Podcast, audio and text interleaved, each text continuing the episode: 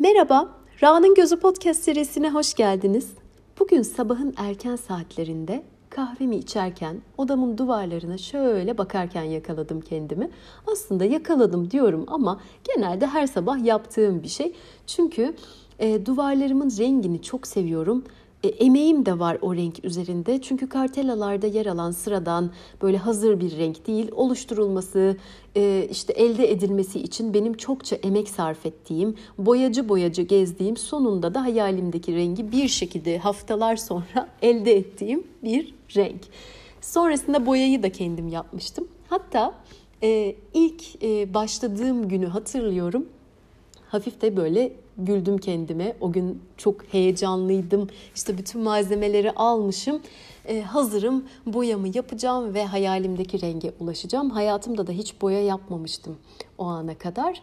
Ee, her şeyi şöyle bir internetten baktım nasıl oluyor, ne lazım diye. Hepsini hazırladım ve boyaya başladım. Merdivenin tepesine çıktım.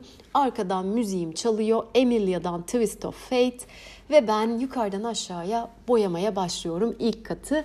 O esnada fark ediyorum ki ya çok da iyi bir fikir değil mi bu acaba? Ben o kadar iyi yapmıyor muyum? Çünkü önceki renk şu an tarif edebileceğim bir renk değil ama yani üst üste gelince çok saçma bir renk oldu ilk kat. Ve bende hafif bir böyle olur ya saniyenin binde biri mi artık böyle bir anlık bir şeyde ya her şey çok saçma bir fikir miydi? Ben buraya nasıl geldim? Neden buradayım? Niye böyle bir şey yapıyorum gibi bir şey yokladı beni bir ruh hali. Biraz orada kaldım merdivenin tepesinde. Durmaktan da elimi öyle tutmaktan da yorulmuşum. Devam da etmiyorum ama böyle bir kala kaldım. Birazını da sürmüşüm. Hani bu iş olacak. Başladım ve devam edeceğim. Yani böyle her şeyi toplayıp geri çıkayım falan gibi bir senaryoda bulma şansım yok kendime. O zinhar olamaz zaten. Neyse boyamaya devam ettim. Ee, yukarıları boyuyorum. İşte kollarımı uzatıyorum, şey yapıyorum. Birazcık da zorlanıyorum ve ee, şöyle bir içten içe kendi iç seslerimi susturmuşum ama alttan yine şey geliyor. Ya çok kötü olursa ya çok kötü olur yani ne olacak ya? Çok en kötü ne olabilir? Zaten bu benim şey e, anahtar cümlem sanırım. Farklı birçok olayda da en kötü ne olur ki ya falan. Hiç böyle pozitif hayal ederek kendimi motive etmiyorum böyle durumlar ya en kötü ne olur? Ne olur ki yani duvarları yıkarız, yeniden yaparız, yeni boya şey yaparız. Çünkü hani çok çok berbat bir renk olursa ne kadar kapatılabilir falan diye düşünüyordum. Neyse e, çok sorun olmadı. O anda da şeyi fark ettim. Hani az önce dedim ya Emilia'dan Twist of Fate çalıyordu ama kaç dakika geçti? Hala o çalıyor. Muhtemelen repeat tuşuna bas, basmışım yanlışlıkla ve aynı şarkı dönüp dönüp duruyor. Muhtemelen şarkının modu beni içine de çekiyor. Ah benim bu kaderim falan gibi. E, neyse ısrarla yapmaya devam ettim o hedeflediğim bölgeyi ilk aşamada. E, sonra dedim ki tamam hadi ben bir mola vereyim. O esnada tam merdivenden yavaşça inmeye çalışmama rağmen bir dengemi kaybettim. Düşmek üzereyken do, şey dolabın kapağını böyle bir yakaladım, tuttum. Birazcık açıldı dolap. O esnada elimdeki fırça fırladı, boya kovasına düştü. Tabii ki böyle bir patlama şeklinde oldu. Üstüm, başım, tavan, dolabın iç tarafları böyle kaplamadığım yerlere de denk gelecek şekilde her yer o benim hayalimdeki renge kavuşmuş oldu. Ee, böyle çok sakin karşılamaya çalıştım. Dedim ki yani bunlar olacak, bunlar oluyor. Normal yani bunlar. Başka insanların da başına eminim çok daha kötüleri geliyordur. Ee, şey diye düşündüm yani ben şu anda çok sakinim ve bunun çözümünü hemen hallediyorum. Elime telefonu aldım. Boya lekesi nasıl çıkar yazdım. Sonra da çok akıllı olduğum için dedim şu boyanın kutusunu bir okuyayım. Su bazlı mı, ne bazlı, nedir falan diye gerçekten su bazlı bir boyaymış. O zaman bunu su halleder dedim müthiş kimya bilgime güvenerek. Gerçekten de ıslak bir bezle bunların icabına bakmaya çalışırken e, bahçedeki e, şu an kelimeleri düzgün seçmeye çalışıyorum çünkü kendisini de çok seviyorum. E, kod adı Sinsirella olan, kimilerinin kenafir bakışlı dediği, kimilerinin kara bela diye seslendiği, benim de çok sevdiğim bir kedi olan Kamuf, sinsice eve süzülüp girip beni izliyormuş meğersem birden ortaya daldı ve panikle ben ona böyle bir bağırıp seslenince kovaya çarptı. Bu sefer sıçrayan şeylerin hepsi onun üstüne geldi. Ya yani o esnada da Google'a kedinin üzerindeki boyanın lekeleri nasıl geçer falan gibi bir şey yazsam mı diye düşündüm ama aynı anda ne kadar da saçma bir şey olduğunu fark ettim. Buradaki sorun kedinin üstündeki e, lekeler, boyalar nasıl geçer değil. Ben böyle bir kenafir bakışlı kara bela denilen ruh hastası bir kediyi nasıl tutacağım da temizleyeceğim. Yalamasını da istemiyorum. Çünkü hani sonuçta yabancı bir madde bütün cesaretimi toplayıp kalın eldivenleri elime geçirip ıslak mendille orasını burasına denk getirip silmeye çalıştım. Kendimi de kutladım yani bir anda. Sırf o zarar görmesin diye böyle bir yani canımı ortaya koyarak kamufun üstünde lekeleri falan almaya çalışıyorum. Neyse patisine de gelmiş. Yere böyle bastı bir şeyleri karıştırdı. Onları da hallettim.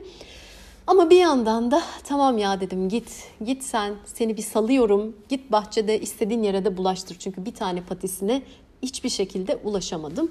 Ee, tek şeyim dedim ki hani kış günü yağmur yağar, yağmura denk gelir, su bazlı boya gider gider bir şey olur yani. O anda hareketsiz kaldım, resmen çöktüm. Kendime güzel, sert bir kahve olsa ne güzel olur diye ihtiyaç duydum. Ve e, arkada hala Emilia'dan Twist of Fate'in çaldığını fark ettim. Ya şey diye de düşündüm yani acaba ağlasam mı? Şu an şu an ağlasam mı diye. Yani bir film seti olsaydı yönetmene şey diyecektim. Hocam şurada ağlarsam sahneyi tam olarak verebiliriz. Çok güzel olur. Seyirciye de geçer gibi. Kendimle de biraz dalga geçiyorum. Yani ya hiçbir şey ben çok mutluydum, çok huzurluydum. Bu renk ortaya çıkana kadar yoksa bu renk lanetli mi? Neyse sonra aklıma şey geldi. Ben Nutella almıştım. Aşağıda kavanozda var. Ben onu çıkarayım. İşte e, bir kaşık atayım. Hem bana enerji verir hem iyi gelir falan gibilerinden. Ondan sonra neyse e, etrafa bir baktım fazla e, başka e, işte gözümden kaçan e, damladığı yerler var mı diye elimde bir ıslak bezle onları birazcık şey yaptım. Aklımda hala bir kaşık Nutella olsa çok iyi olur ama üşeniyorum da yani gidip almaya. Ondan sonra tekrar ben bir çöktüm. Henüz boyamadığım bir duvara şöyle bir dayandım boyadığım kısımları izlerken, olanları düşünürken ya ben niye bunu böyle büyüttüm ki? Ne gerek var yani? Belki de ruhumun buna ihtiyacı var gibi kendi içimde konuşmalar dönüyor. Sonra aklıma şey geldi. Acaba paralel evrendeki ben şimdi ne yapıyordur? Canım benim ya çok mutludur, çok rahattır. Beni görüyorsa da ay neler var şu hayatta falan gibi bir yorum yapar herhalde diye düşündüm. Sonra gerçekten şöyle bir gözlerimi kapattım. Acaba şu an paralel evrende o muhteşem, muhtemelen ben şu an kendimi muhteşemin tersi bir noktada hissettiğim için paralel evrende muhteşem bir şey dönüyor olmalı diye düşündüm. Ve gözümün önüne şöyle bir sahne geldi. Şöminenin karşısına geçmişim Elimde zencefilli limonlu çayım, onu yudumlarken bir yandan da mesela Alain de Botton'un Aşk Dersleri kitabının sayfalarını başımla onaylaya onaylaya çeviriyorum. Fonda Vivaldi'den mesela Four Seasons Winter çalıyor. Neden bilmiyorum ama paralel evrende aylardan Aralık ve Noel'e çok az kalmış. Dışarıda kar var. Kedim ayaklarımın dibine kıvrılmış mır mır mutluluk sesleri çıkarıyor. Aşırı uslu, akıllı, böyle çok sevimli. Gören herkesin de hayran olacağı bir kedi. Sonra tekrar dönüp kendi sahneme baktım. Duvarlar, tavan, sildiğim yerler, e, çok uzaklaşmamış ileride köşeden kenafir gözleriyle içeriye bakan kamuf ve üstüm başım. Sonra dedim ki yani şu an yine sakinlikle işi elime alıyorum. Evet, çok ideal bir, hayali bir paralel evren görüntüsüne gittim. Şu an kendi durumumu da görüyorum. Acaba bu ikisinin arasında ortak bir şey bulabilir miyim? İncecik, minicik bir köprü bile olsa bunu yaratabilir miyim? Çünkü buna ihtiyacım var. Düşündüm, düşündüm, düşündüm. Tek şöyle bir şey geldi aklıma. Dolapta zencefil ve limon vardı ve gittim kendime zencefilli limonlu çay yaptım. Şimdilik elimde bu var dedim içerken ama günün sonunda belki bugünün değil ama mecazi anlamda günün sonunda ben o sahneyi de elde edebilirim diye düşünürken yine kamufla göz göze geldim. Bu sefer beni umursamayan bir uzanma haliyle güneşe doğru kendini bırakmıştı. Neyse dedim olur böyle şeyler sorun değil ben bu işi bitireceğim ve gerçekten o kurduğum incecik zencefilli limonlu çay köprüsüyle bir şekilde motive oldum ve Hemen bu arada şöyle bir detay da var. Emilia'dan Twist of Fate'i kapattım. Listeye karıştır komutunu verdim ve mutlu ve sakin bir şekilde boyamaya devam ettim. Sonuçtan da çok memnunum. Hala bakıp bakıp Allah'ım ya bu duvarlar ne kadar güzel. Yani önüne mesela çiçek alıyorum, koyuyorum, kitap koyuyorum, kalem koyuyorum, bazen kendimi koyuyorum. Yani duvar o kadar güzel ki önüne ne koysan güzel görünüyor gibi bir hayat e, sevinci kattı bana diye e, böyle düşüncelerde kendimi yakaladığım zaman da tuhaf hissetmiyor değilim. Ama Şimdi ben bunu hatırlamışken aklıma şu paralel evren düşüncesi, hayali, işte bilmem inancı neyse gelmez mi? Geldi tabii ki. E benim bununla ilgili de şöyle bir kendime çok hatırlattığım bir sahne var. O sahnede Niptak adlı diziden belki hatırlayanlar vardır. Çok eski tarihli bir diziden bahsediyorum. 15 yılı falan vardır herhalde. Belki daha fazla. Öğrenci olduğumu hatırlıyorum izlerken.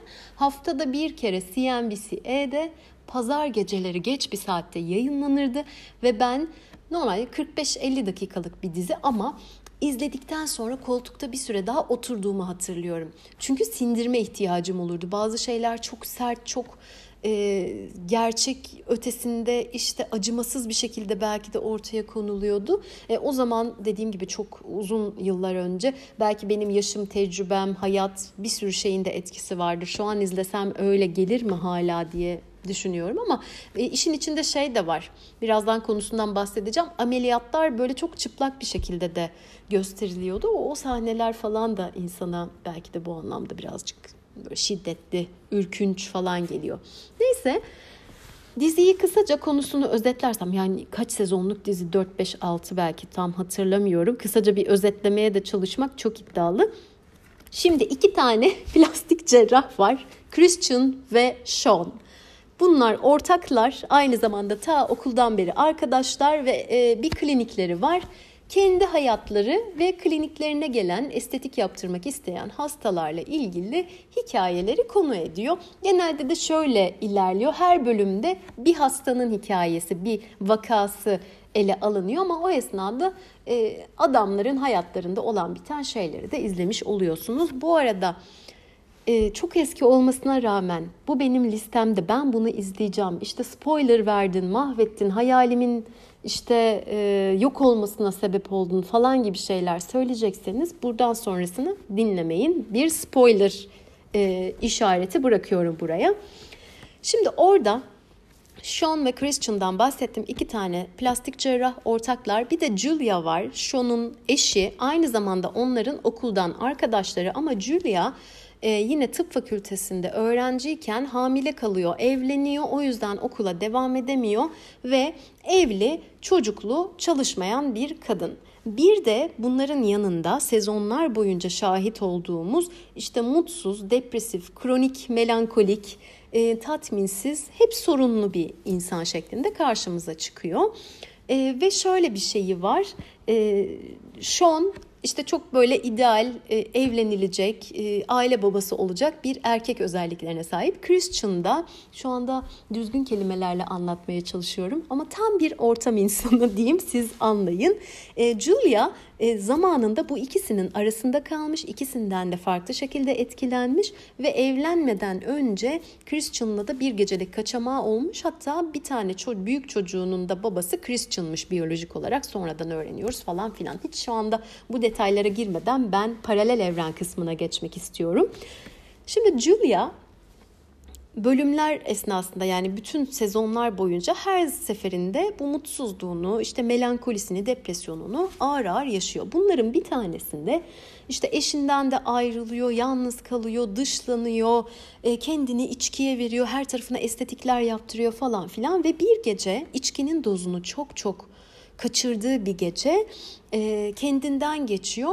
Cam bir kapı mıydı, büyük bir cam pencere miydi ona çarpıyor. Onunla birlikte yere düşüyor. Her tarafı yüzü gözü paramparça oluyor ve Sean'la Christian'ın kliniğine yatırıyorlar ve iki adam bunu e, ameliyat ediyor, kurtarmaya çalışıyor. O esnada anestezi altında e, Julia rüyalar görüyor ve bu rüya e, bir paralel evrende geçiyor. Orada e, Sean'la değil Christian'la evli. Okulu bitirmiş. Ortak klinik açmışlar kocasıyla. E, çocuğu olmuyor. Uyuşturucu bağımlısı gibi bir profil çiziyor. Yani şu hayatta olduğu her şeyin tersi. Bu hayatta evli, çocuklu, çalışmıyor, depresif bilmem ne falan filan. Öbür tarafta yani Christian'ı seçseydim ve okulumu bitirseydim gibi pişmanlıklar sürekli onu yokladığı için onlar olsaydı ne olurdu tam anlamıyla bunu yaşıyor. O sahneleri izlerken görüyoruz ki Julia yani böyle olsaydı eminim çok mutlu olurdum diyeceği şeylere sahip olmasına rağmen yine mutsuz, yine dertli, yine depresif, yine melankolik, yine aklında binlerce böyle sorular dönüyor, kendini kemiriyor falan. Christian'la da mutlu değil. Hatta Christian'ın onu aldattığını fark ediyor, görüyor, ediyor falan. Christian bunu çok normal bir şeymiş gibi karşılıyor. Çocuğunun olmaması büyük bir sorun ve kriz yaratıyor evliliklerinde falan filan. Ve sonunda yine paralel evrende de kendini çok kötü, çok mutsuz hissettiği bir gece e, sanırım e, fazlaca uyuşturucu alıyordu ya da alkol alıyordu ya da birbirine karıştırıyordu bunları. Yine benzer bir sahnede yukarıdan aşağıyı camdan izlerken o camın üstüne çarpıyor, düşüyor ve aynı şekilde bir noktaya getiriyor kendini. Yani bu rüyadan da uyanınca fark ediyor ki sahip olduklarından ya da içinde olduğu durumdan bağımsız olarak kendisinin sorunu tatminsizlik ve mutsuzluk, bir boşluk. Yani diğer yolu seçsem nasıl olurdu sorusu içini kemirdiği için hep sanki diğer yolu seçmediği için mutsuz olduğunu düşünmüş ama öyle bir şey yok. Aslında ya bu sahne beni o zaman çok etkilemişti. Çünkü belki de ben de izlerken yanlış adamı seçmiş, yanlış şeyi yapmış, okulu bitirseydi, şöyle yapsaydı, hemen çocuk doğurmasaydı gibi düşünceler üretiyordum zihnimden. Ama o sahneler beni de çok vurdu. Yani insanın ruhunda bazı eksikler varsa, içinde bazı geçmişten getirdiği, taşıdığı travmalar, üzüntüler, içini dolduramadığı boşlukları varsa hangi hayat şartlarına, hangi ortama onu getirirseniz getirin o alacağı dersler ya da o getirdiği şeylerin ona yaşatacağı şeylere engel olamıyorsunuz. Hiçbir şeyden de kaçamıyorsunuz. Bu diğer yolu seçsem nasıl olurdu fikri aslında sorusu daha doğrusu hepimizin içinden zaman zaman geçiyor. Başka bir okulu seçseydim, başka bir adamla evlenseydim, başka bir şehirde yaşasaydım, başka bir ülkede yaşasaydım, başka bir mesleğim olsaydı falan gibi şeyler. Hani bu e, hani komşunun çimleri her zaman daha yeşildir gibi varyasyonu olan birçok e, şey söz vardır ya. Yani seçmediğin şey her zaman kendini kötü hissettiğin anlarda özellikle sana çok daha cazip geliyor. Yani şu anda mutsuzum ama öbür tarafı seçseydim şu an muhtemelen çok mutlu olurdum. Ben de işte yıllar önce bu konuda böyle bir e, nasıl diyeyim bana bir uyanma sağlayan, bir farkındalık sağlayan bir sahneydi. Üstünden 15 yıl geçmesine rağmen ve sonrasında bir daha o sahneleri hiç izlememiş olmama rağmen şu an burada e, detaylarını belki de çok doğru hatırlamıyor olabilirim ama böyle anlatacak derecede içime işlemiş bir şeydi ve kendime sıkça o Julia'nın camdan düşüşlerini hatırlattım. Çünkü e, az önce söylediğim gibi seçmediğimiz şeyler e, ya da seçtiğimiz şeyleri değerlendirirken her zaman gözümüz, aklımız diğer tarafa kayıyor ve bizim konsantrasyonumuz bozuluyor. Belki de gerçekten dikkat etmemiz gereken şey o hikaye, bu hikaye, bu şehir, o şehir falan değil. Ben. Ben şu an bunu neden yaşıyorum? Bu dersi neden alıyorum? Neden alamıyorum? Ya da neden tekrar ediyorum? Bu tamamen benimle ilgili. O zaman içeriye bir dönüp bakayım. Ben burada ne görmeliyim? Ne görürsem sonra daha rahat ederim gibi bir bakışla kendimize bakarsak herhalde her şekilde da daha rahat ederiz. Kendimizi de sonrasında koruma şansımız olur diye düşünüyorum. Belki de bu dersleri alırsak, bunları rahat bir şekilde atlatabilirsek sonrasında kendimizi korumak zorunda olacağımız şeyler de başımıza gelmeyebilir. Ve kendi hayatıma da dönüp baktığım zaman bazı zamanlarda kendimi çok sorguladığımda aa yanlış yer mi seçtim? Yanlış şirkete mi evet dedim? Yanlış bilmem neye mi şöyle yaptım? Aa acaba şöyle bir meslek yapsaydım falan filan gibi sorular sonunda ya evet mantığımı işlettiğim zaman benim geldiğim nokta şu oluyor. ben şunları şunları şunları yaşamasaydım zaten şu şekilde düşünüyor olmazdım. Yani beni şu ana getiren, bu yargıya getirenler bile benim yaşadıklarım. O zaman ne yapacağım? Konsantrasyonumu içime çevireceğim. Öyle olsaydı, böyle olsaydı, şunu seçseydim, bunu seçseydim. Bileceğim ki benim içimde tamamlayamadığım, boş bıraktığım, görmezden geldiğim, halının altına süpürdüğüm bir şeyler varsa beni Amazon ormanlarının içine de atsanız, işte okyanusun ortasında tek başıma da bıraksanız, götürüp işte New York'un en yüksek gökdeleninin penthouse'una da yerleştirseniz onlar beni bir yerde yakalayacaklar. Aynı hani o iblisler, hayaletler bilmem neler gibi. Ben bunu bilirsem içime dönüp onlarla yüzleşme cesareti gösterirsem tüm bunlardan da kurtulmuş olurum diyerek bu çare paralel evren mi adlı bölüme hayır çare paralel evren değil çare bizde her şey içimizde diyerek bir son veriyorum. Sonraki bölümlerde görüşmek üzere. Hoşçakalın.